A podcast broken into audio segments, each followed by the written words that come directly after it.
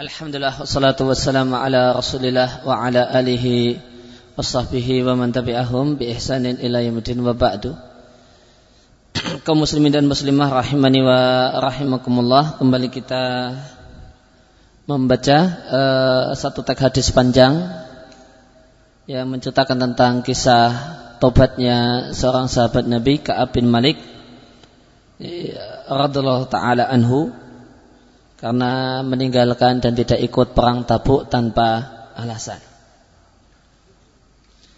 Eh, terakhir eh,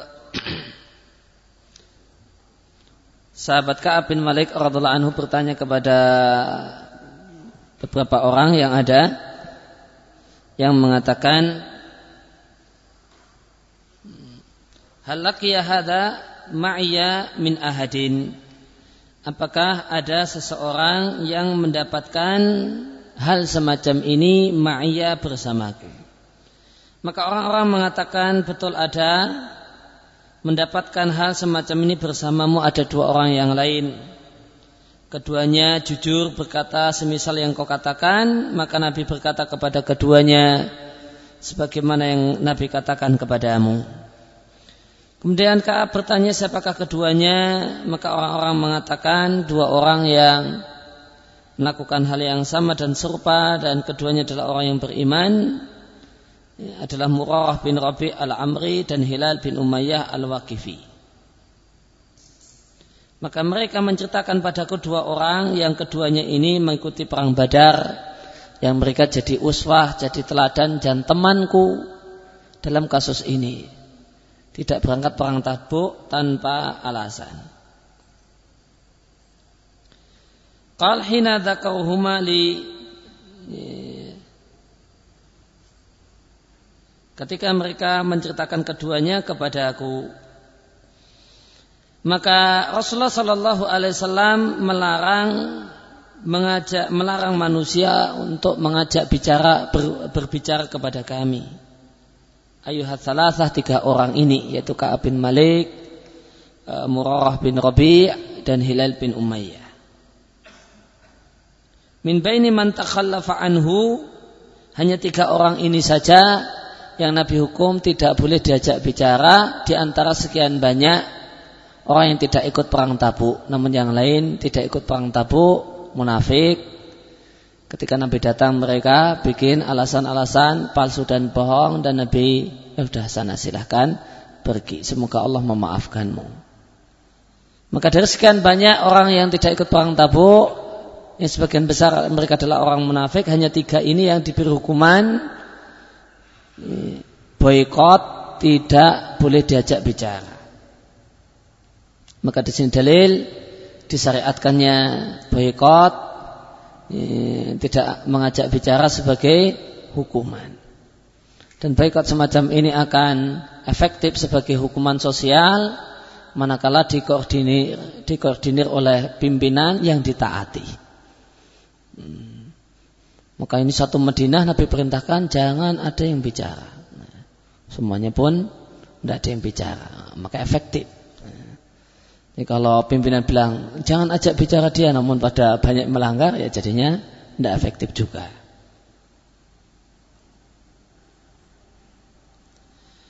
Kemudian Ka'ab menceritakan fajtana eh, bena annas maka kami pun menjauhi manusia. Kami pun tidak berani dekat-dekat dengan tetangga dan kawan.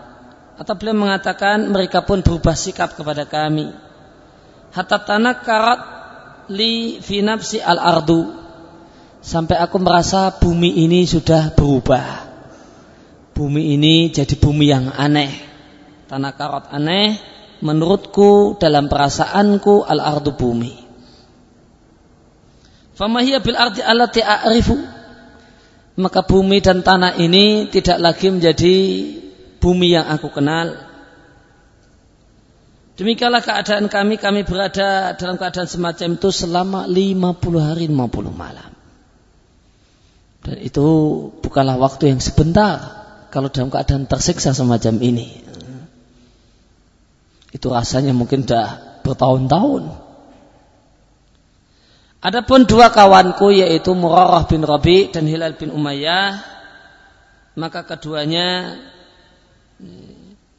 fastakana keduanya merasa ya, hina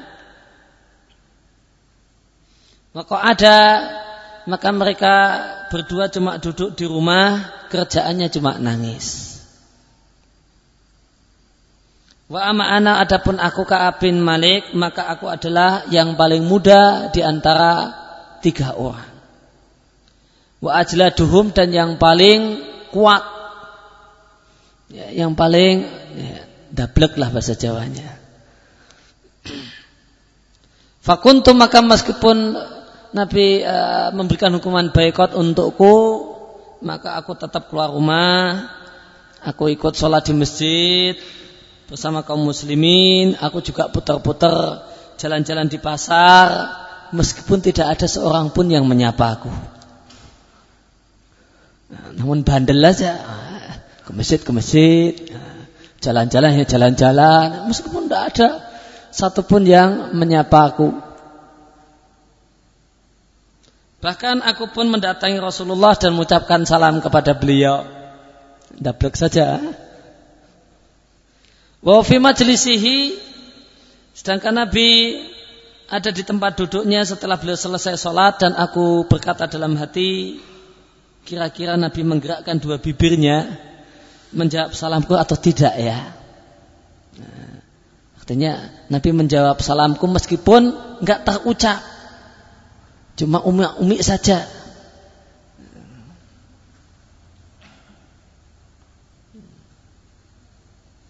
Suma usalli qariban minhu. Setelah itu aku pun sholat di dekat Nabi. Dan aku pun sambil mencuri-curi pandang. Wa usarikun nadar maka jika aku memperhatikan sholatku aku sholat dengan penuh perhatian Nabi melirik melihatku namun jika aku menoleh ke arah Nabi maka Nabi membuang mukanya dariku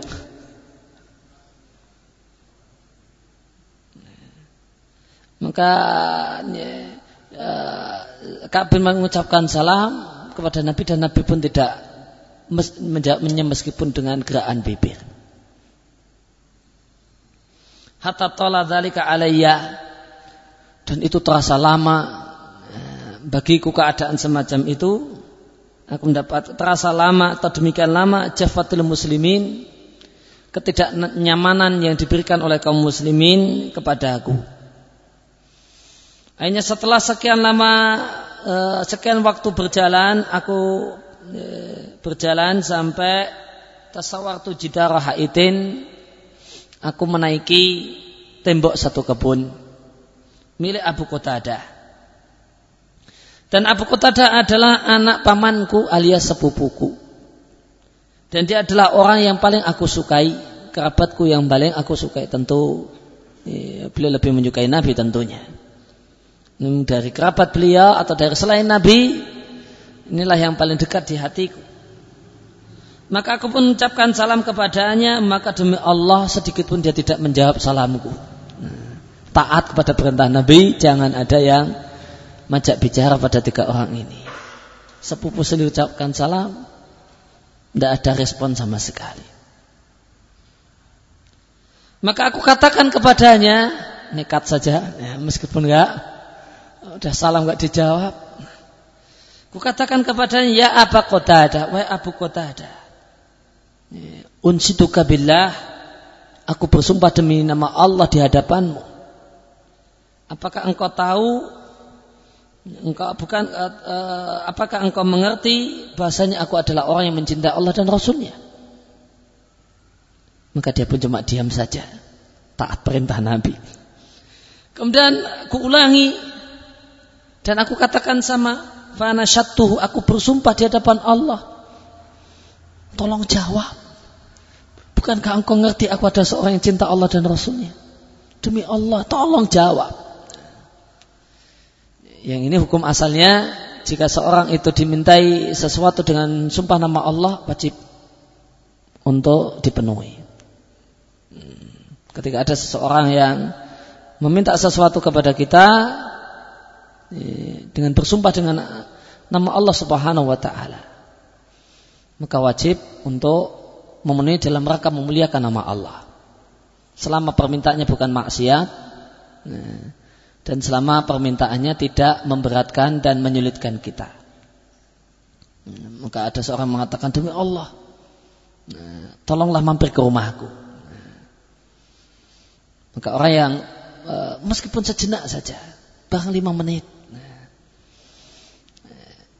maka orang yang mendapatkan kalimat semacam ini wajib dalam rangka memuliakan nama Allah wajib untuk ya, memenuhi permintaan orang tadi. Kecuali jika permintaannya maksiat atau menyulitkan dan merepotkan diri kita. Hmm. kalau dia bersumpah demi Allah tolong jadikan aku pacarmu. Ah ini maka ya jangan diterima. Oh maaf kalau itu. Ah, kamu sumpah seratus kali juga nggak tak terima. Karena isinya maksiat atau merepotkan kita. Kita sedang safar di satu tempat dan kita ada mau pulang, ada jadwal pesawat. Nah, ini yang tidak memungkinkan kita untuk mampir maka meskipun wallahi tolong singgahlah ke rumahku sebentar. Maka oh maaf ini waduh ya, jadwal pesawatnya nggak nyanda. Nah. Maka ya tidak salah jika tidak kita turuti. Dan jika kita tidak turuti, dia wajib bayar kafar sumpah. jika kita tidak menurutinya, maka dia wajib membayar kafar sumpah.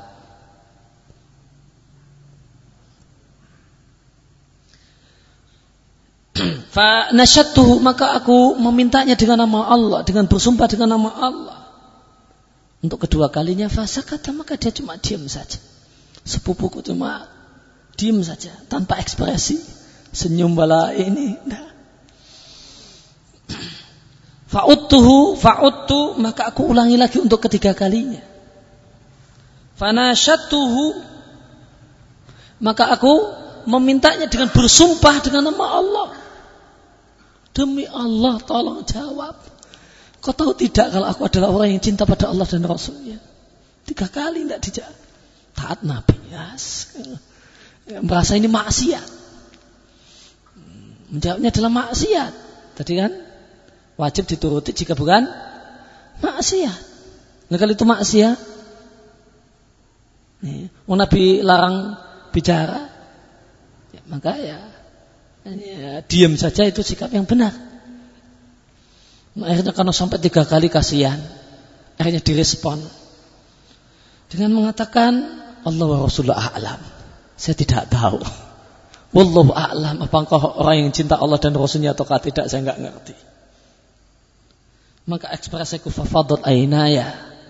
E, maka aku berlinangan air mata mendengar jawaban tersebut. Satu jawaban yang menyakitkan. Wong pinginnya dapat sedikit hiburan. Nah, pinginnya kan dapat sedikit hiburan. Ya, engkau sebenarnya aku tahu engkau adalah orang yang cinta pada Allah dan Rasulnya. Ternyata wallahu a'lam bisawab. Maka aku berlinahan air mata. Watawala itu kemudian aku pun balik kanan, aku pun berpaling sehingga kemudian aku loncat uh, melewati uh, apa, tembok, kemudian pulang. Fabaina ana amsi fi sukil Madinah maka satu ketika satu hari ketika aku lagi jalan-jalan di kota di pasar kota Madinah idza nabatiyun minabati ahli Syam maka tiba-tiba ada seorang nabati seorang uh, seorang kafir dari penduduk Syam Miman qadima bito'am yang dia itu tiba di kota Madinah membawa bahan makanan yang dia jual di kota Madinah. Dan Syam ketika itu adalah daerah kekuasaan Romawi alias negara Nasrani. Maka di sini diceritakan bahwa ketika eh, ketika itu di masa Nabi eh, maka bahan makanan yaitu gandum itu diimpor oleh orang Madinah dari Syam dari Suria yang ketika itu adalah negara Nasrani. Maka di sini dalil hubungan dagang dengan orang Nasrani, dengan orang kafir, satu yang tidak masalah. Kemudian menggunakan dan mengkonsumsi produk orang kafir pada dasarnya hukum asalnya tidak masalah. Ya. Nabi dan para sahabat makan gandum yang diimpor dari eh, negeri Nasrani. Uh, orang ini mengatakan siapakah yang bisa menunjukiku siapakah uh, manakah yang disebut Ka'ab bin Malik. Maka mulailah orang-orang menunjuk ke arahku. Akhirnya orang tersebut datang menemuiku dan menyerahkan kepadaku kitaban eh, satu surat yang berasal dari Maliku Rosan, Raja Rosan. Ya, maka ada satu kerajaan di Biladus Syam, di Suria, di zaman Nabi. Nama kerajaannya adalah uh, Rosan. Rosan ini adalah negara satelitnya Romawi di Jazirah Arab. Ya. Maka dua negara besar ketika itu Romawi dan Persia masing-masing punya membuat uh, yang mereka ini raja namun bukan raja. Eh, dia raja, namun eh, dia tidak ada apa-apanya dengan raja Romawi. Kalau raja Romawi marah dia juga cuma tertunduk hina saja. Eh, maka kalau Romawi punya negara satelit di Suria, di Biladus Syam, di negeri Syam. Kerajaannya namanya Khusan. Kalau Persi punya Persi itu posisinya Iran sekarang punya negara satelit di daerah Irak. Namanya kerajaan eh, raja-raja namanya Mungdir sehingga kadang disebut dengan Manazirah. Ini adalah negara satelit. Bukan kerajaan yang betul-betul kerajaan, namun kerajaan kecil yang tunduk dengan bosnya. Maka aku mendapatkan satu surat dari Raja Rosan. Bahasa lainnya dia perwakilan Romawi di Jazirah Arab. Hmm. Yang untuk menjaga kepentingan politik dan ekonomi Romawi di Jazirah Arab. Wakuntu katiban dan aku adalah seorang yang bisa baca tulis. Maka aku baca surat tersebut ternyata isinya amma ba'du sungguh telah sampai berita kepada kami bahasanya kawanmu yaitu Muhammad telah kurang ajar pada dirimu. Dan Allah kata Raja Rosan Allah tidak akan menjadikanmu tidaklah menciptakanmu untuk berada di tempat yang penuh dengan kehinaan dan kesengsaraan. Oleh karena itu falhaq bina. Bergabunglah bersama kami. Bergabunglah bersama kami inovasika. Kami akan membantu dan menolongmu. Nah, dapat tawaran dari orang kafir.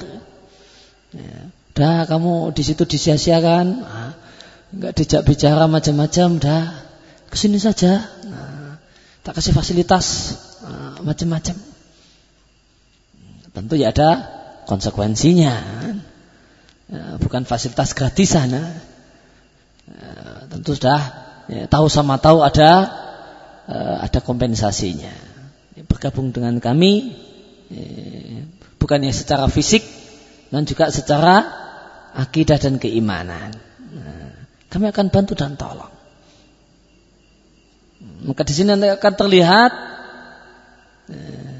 keimanan akan teruji keimanan.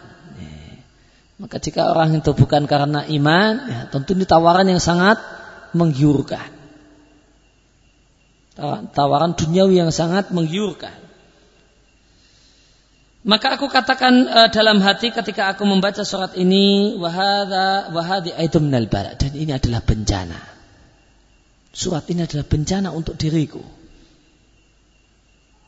Maka aku pun bersengaja menuju satu tungku, kemudian aku bakar surat itu. Beliau tidak simpan, ah jangan-jangan kapan-kapan diperlukan. Ah, nanti bisa untuk ah, surat undangan ini loh saya anda undang. Ah,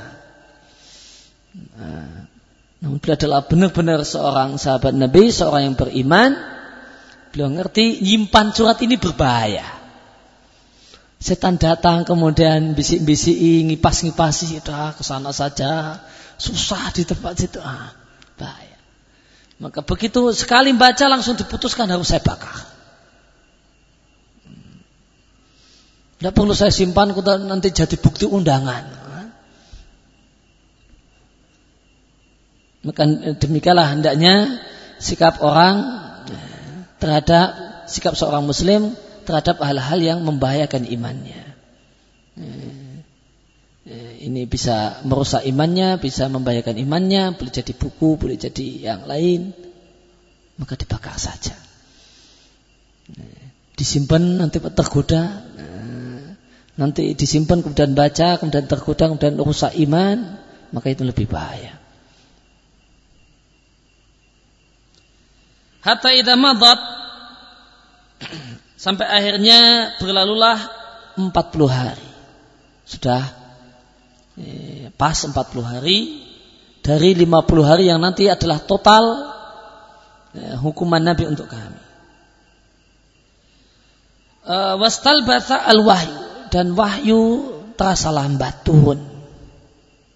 Tidak kemudian langsung segera memberikan putusan tentang nasib Ka'ab bin Malik hukuman apa yang sepatasnya diberikan ataukah sudah diterima tobatnya? Apakah perlu dihukum?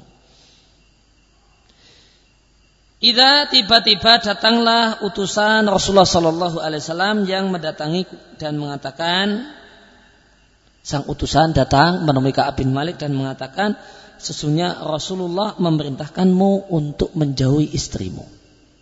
Yang kemarin masih selama 40 hari itu masih ditemani istri masih di ya, bahasa lainnya ada masih disiapkan nasi, masih disiapkan dibuatkan teh sama istri dan seterusnya. Meskipun istri tidak berbicara.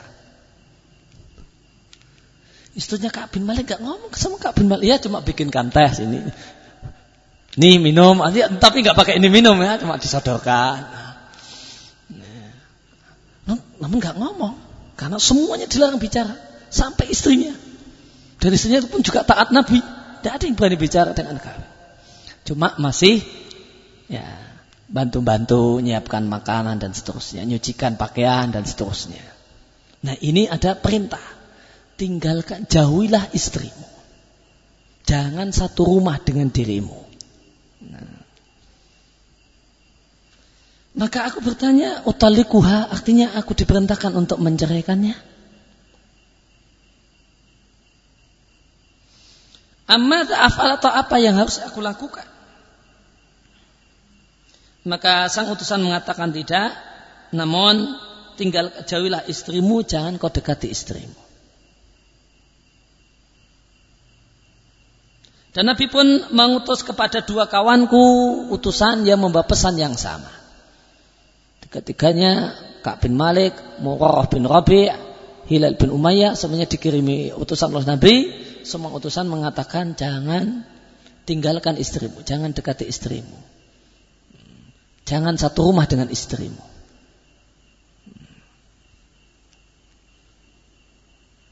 Fakultu limur'ati maka akhirnya aku katakan kepada istriku ilhaki bi ahliki. Silahkan pulang ke rumah keluargamu. Fakuni indahum tetap engkau di sana sehingga Allah putuskan via hadal amr pada diriku e, fi hadzal amr sehingga Allah putuskan sehingga Allah memberikan keputusan tentang kasusku ini. Silakan pulang. Maka di sini kita jumpai kata-kata pulanglah ke rumah keluargamu, ke rumah orang tuamu dan ini maknanya bukan cerai. Namun sekedar tinggal di rumah keluarganya.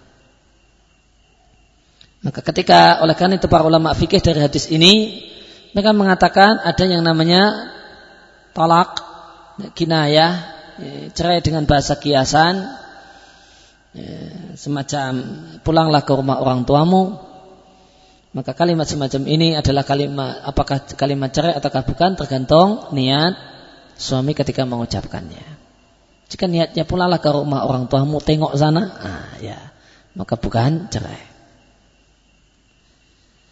Uh, Fajat imra'atu Hilal ibn Umayyah.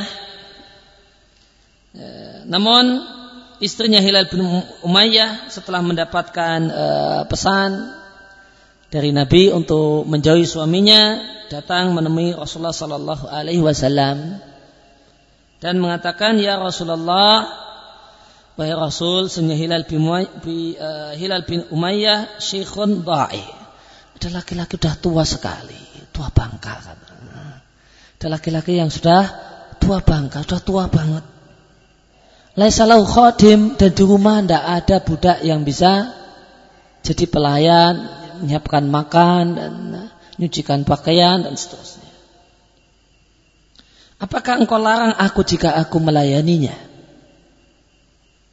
Maka Nabi mengatakanlah tidak. Walakin la yakrabannaka akan tapi dia la yakrabannaki akan tapi dia tidak boleh mendekatimu. Maksudnya dia tidak boleh menyetubuhimu. Fakalat maka istri Hilal bin Umayyah mengatakan inna wallahi ma bihi min harokah. Ila syai. Demi Allah dia enggak bergerak sedikit pun dalam tanda kutip ya. Ah, demi Allah dia sedikit pun itunya enggak bergerak kata istri Hilal bin Umayyah. Artinya suaminya tidak punya birahi sudah tidak punya nafsu karena sudah tuanya sudah tua kebangetan. Nah.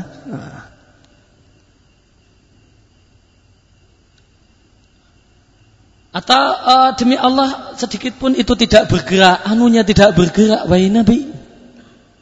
Wallahi mazala ya bagi mungdukana min amrihi makana ila yaumi hada. Dan demi Allah kata istri Hilal bin Muayyah, kerjaan Hilal bin Muayyah sejak pertama kali dapat hukuman sampai hari ini setiap hari nangis. Luar biasa. Ini luar biasa. Nangis 40 hari 40 hari. Masih punya air mata sampai 40 hari itu luar biasa. Ngalah-ngalahi perempuan yang meratap gara-gara uh, meninggalnya anaknya dan seterusnya. Tobat yang sangat luar biasa. Penyesalan dan tobat takut dosa yang sangat luar biasa. 40 hari nangis setiap hari. Nangis setiap hari selama 40 hari. Ini kan kejadian sama hari ke 40 masuk ke ya, mau ke 41. Ini kata pengakuan dari istri Hilal bin Umayyah. Hilal bin Umayyah, bin, uh, Hilal bin Umayyah setiap hari kerjaannya nangis. Setiap hari nangis, nggak sempat itunya anunya bergerak, Sibuk dengan nangisnya. Akhirnya Nabi pun mengizinkan istri Hilal bin Umayyah untuk tetap di rumah. Maka ada sini dalil keadaan istri para sahabat di mana istri para sahabat itu melayani suaminya. Hmm. Menyiapkan uh, mengurusi urusan rumah tangga dan menyiapkan berbagai hal untuk keperluan suaminya, makannya, bisa kita nyucinya dan seterusnya. Maka sebagian keluargaku berkata kepadaku, seandainya kau minta izin kepada Rasulullah tentang istrimu. Maka sungguh Nabi telah memberikan izin kepada istri Hilal bin, bin Umayyah untuk tetap melayani suaminya. Sana minta izin sana barangkali juga dapat bisa dapat dispensasi. Maka aku katakan e, aku tidak mau minta izin kepada Rasulullah tentang istriku karena wama yudrini dan aku tidak tahu apa yang akan dikatakan oleh Rasul jika aku memintakan izin kepadanya. Ya kalau mendapatkan izin, kalau malah dapat marah, tambahan hukuman malah susah. Wa anak rajulun syabun dan aku adalah ya, masih muda.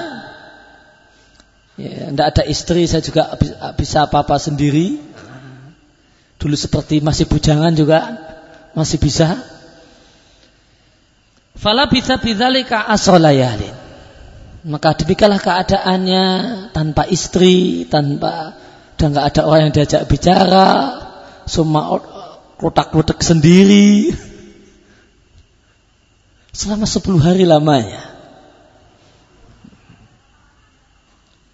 Fakamulalana khomsun genap sudah 50 hari. Sejak Nabi melarang kami, melarang kaum muslimin untuk bicara pada kami. Maka Sobah khomsin pagi hari hari ke-50 aku sholat subuh di atas uh, loteng rumahku. Maka lama-lama Ka'ab bin Malik ini nggak kuat.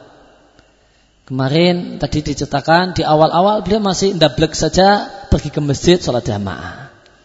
Lama-lama tidak kuat.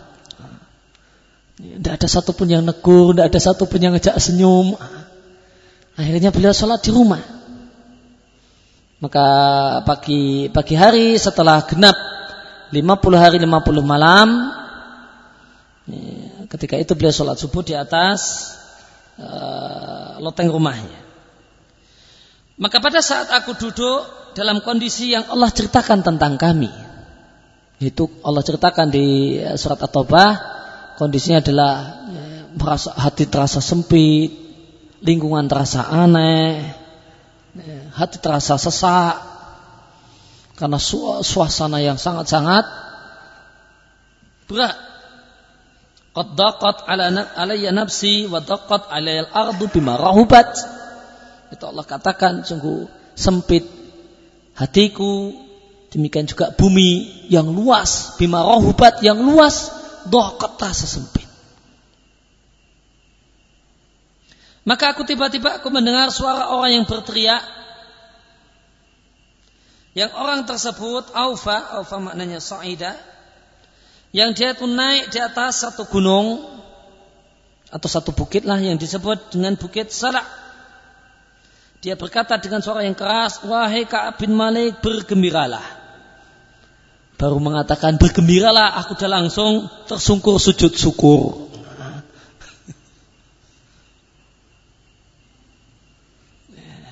Cuma dikatakan wahai Ka'ab bin Malik bergembiralah. Atau gembiranya apa pokoknya. Begitu mendengar bergembiralah maka Ka'ab bin Malik langsung sujud syukur dan aku sadar qad ja'a farajun telah datang sesuatu yang membahagiakan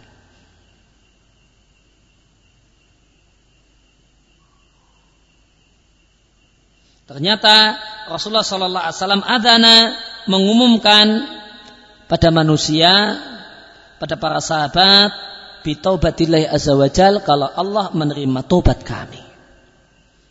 Allah umumkan atau Nabi umumkan setelah beliau selesai sholat subuh.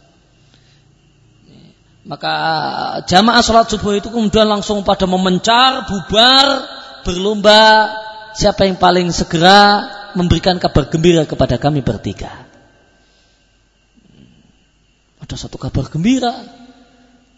Maka gimana lihat semangat sahabat ingin melihat temannya bahagia. Temannya gembira. Begitu habis subuh diumumkan, jamaah langsung bubar. Dan mereka berebut menjadi orang yang pertama kali menjadi penyampai kabar gembira. Untuk tiga orang yang diboykot selama 50 hari 50 malam. Fadhaban nasu bashirunana. Fada kibala sahibaya mubashirun. Maka banyak orang yang datang memberikan kabar gembira untuk dua kawanku. Sedangkan orang yang memberikan kabar gembira kepadaku ada yang raqada rajulun ilayya farosan. Ada yang memacu kudanya menuju rumahku. Yang satu tidak punya kuda, wasa'asain. Ada yang lari kencang. Ada yang cari kuda, kemudian memacu kudanya ke rumah. Ada yang nggak punya kuda, namun pengen yang menjadi pertama kali. Enggak kemudian, oh, sudah ada yang berangkat ya, saya tak, saya tak sudah sajalah. Lihat semangat sahabat untuk ingin melihat kawannya gembira. Ini yang merasa tidak punya kuda, kemudian wah, udah ada yang bawa kuda adalah saya tak balik ke masjid. Ah, udah. Ah. Maka wasa'asain dan ada yang berlari. Hmm. Ya, wasa'asain min aslam dari suku aslam ada yang berlari kibali ke arah rumah. Dan ada orang yang ketiga aufa alal jabal naik ke ke bukit. Ah. Maka ada tiga orang yang mau ngasih kabar gembira pada bin Malik. Ada yang nyari kuda, ada yang merasa pembalap lari, lari. Ada yang waduh saya lari juga nggak jago, kuda nggak punya. Udahlah, situ rumahnya Kaab dekat di balik bukit. Orang semuter ke sana. Kalau mau ke rumahnya Kaab, ya saya tak naik bukitnya saja. Tak teriakin dari atas bukit. Dan yang ketiga inilah pemenangnya. Dan yang ketiga ini yang pemenangnya, yang muter itu belum sampai, ini yang naik ke bukit udah langsung suaranya sampai modal suara keras sama naik ke bukit. Makanya saut asra minal faras dan suara itu jauh lebih cepat daripada kuda. Suara itu siapa? Yang naik ke atas bukit. Maka yang naik ke atas bukit itu dia naik ke atas bukit sekedar untuk jadi orang yang pertama. Setelah dia teriak, hei Ka'ab bin Malik gembira. Dan dia telah, dia yakin suaranya sampai, dia turun, kemudian pergi ke rumahnya Ka'ab bin Malik.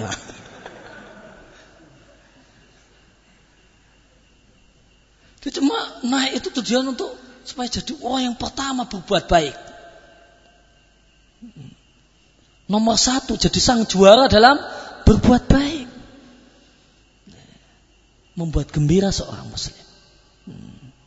Nah, maka di sini dalil di antara amal soleh, amal kebajikan yang patut seorang itu berlomba di dalamnya adalah membahagiakan seorang muslim, membuat gembira seorang muslim.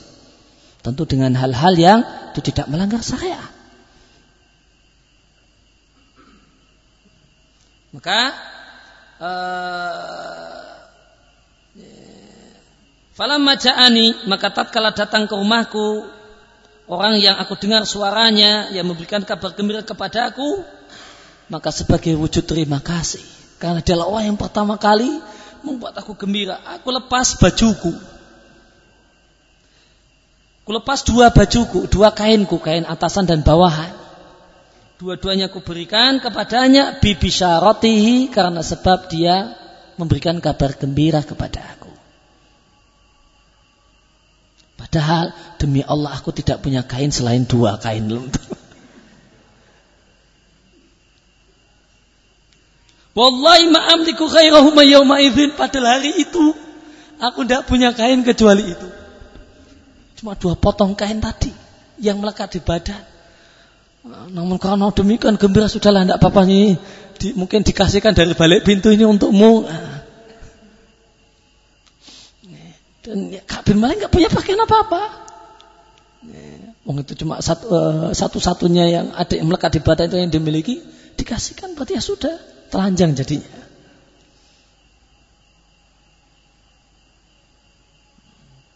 Maka di sini dalil uh, satu hal yang baik memberikan hadiah kepada orang yang menjadi sebab kita gembira dan bahagia.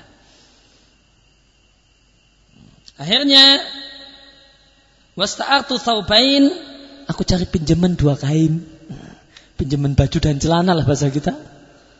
Pada tetangga, maka pinjamnya pada tetangga nggak tahu caranya lewat jendela atau apa.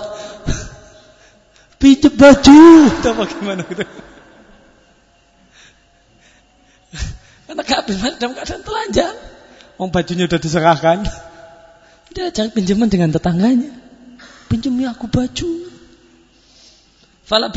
Falabistuhuma kemudian aku pakai. Kemudian aku berangkat. Utamimu aku menuju Rasulullah Sallallahu Alaihi Wasallam. Maka ketika aku sampai ke masjid, apa yang terjadi? Ya telakani an-nasu faujan faujan. Satu peristiwa yang sangat-sangat luar biasa. Manusia menyambutku gelombang demi gelombang. Wah, satu rombongan datang, nyambut memeluk, Habis itu mundur masih datang lagi orang lagi. Faujan faujan. Satu rombong, satu gelombang demi satu gelombang, semuanya Yohani Unani memberikan ucapan selamat kepada aku.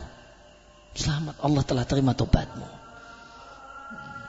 Bitoba mengucapkan selamat padaku karena Allah menerima tobat e, tobatku dan mereka semua berkata kepadaku litahanka tabatullah alaik gembiralah engkau e, Allah menerima tobatmu hatta takhaltul masjid itu belum sampai masjid ternyata itu baru sampai halaman masjid. Jadi itu di halaman masjid orang sudah keluar ke api Malik datang dan di, akhirnya setelah melewati berbagai gelombang manusia tadi, takhal tu masjid tibalah aku ke masjid.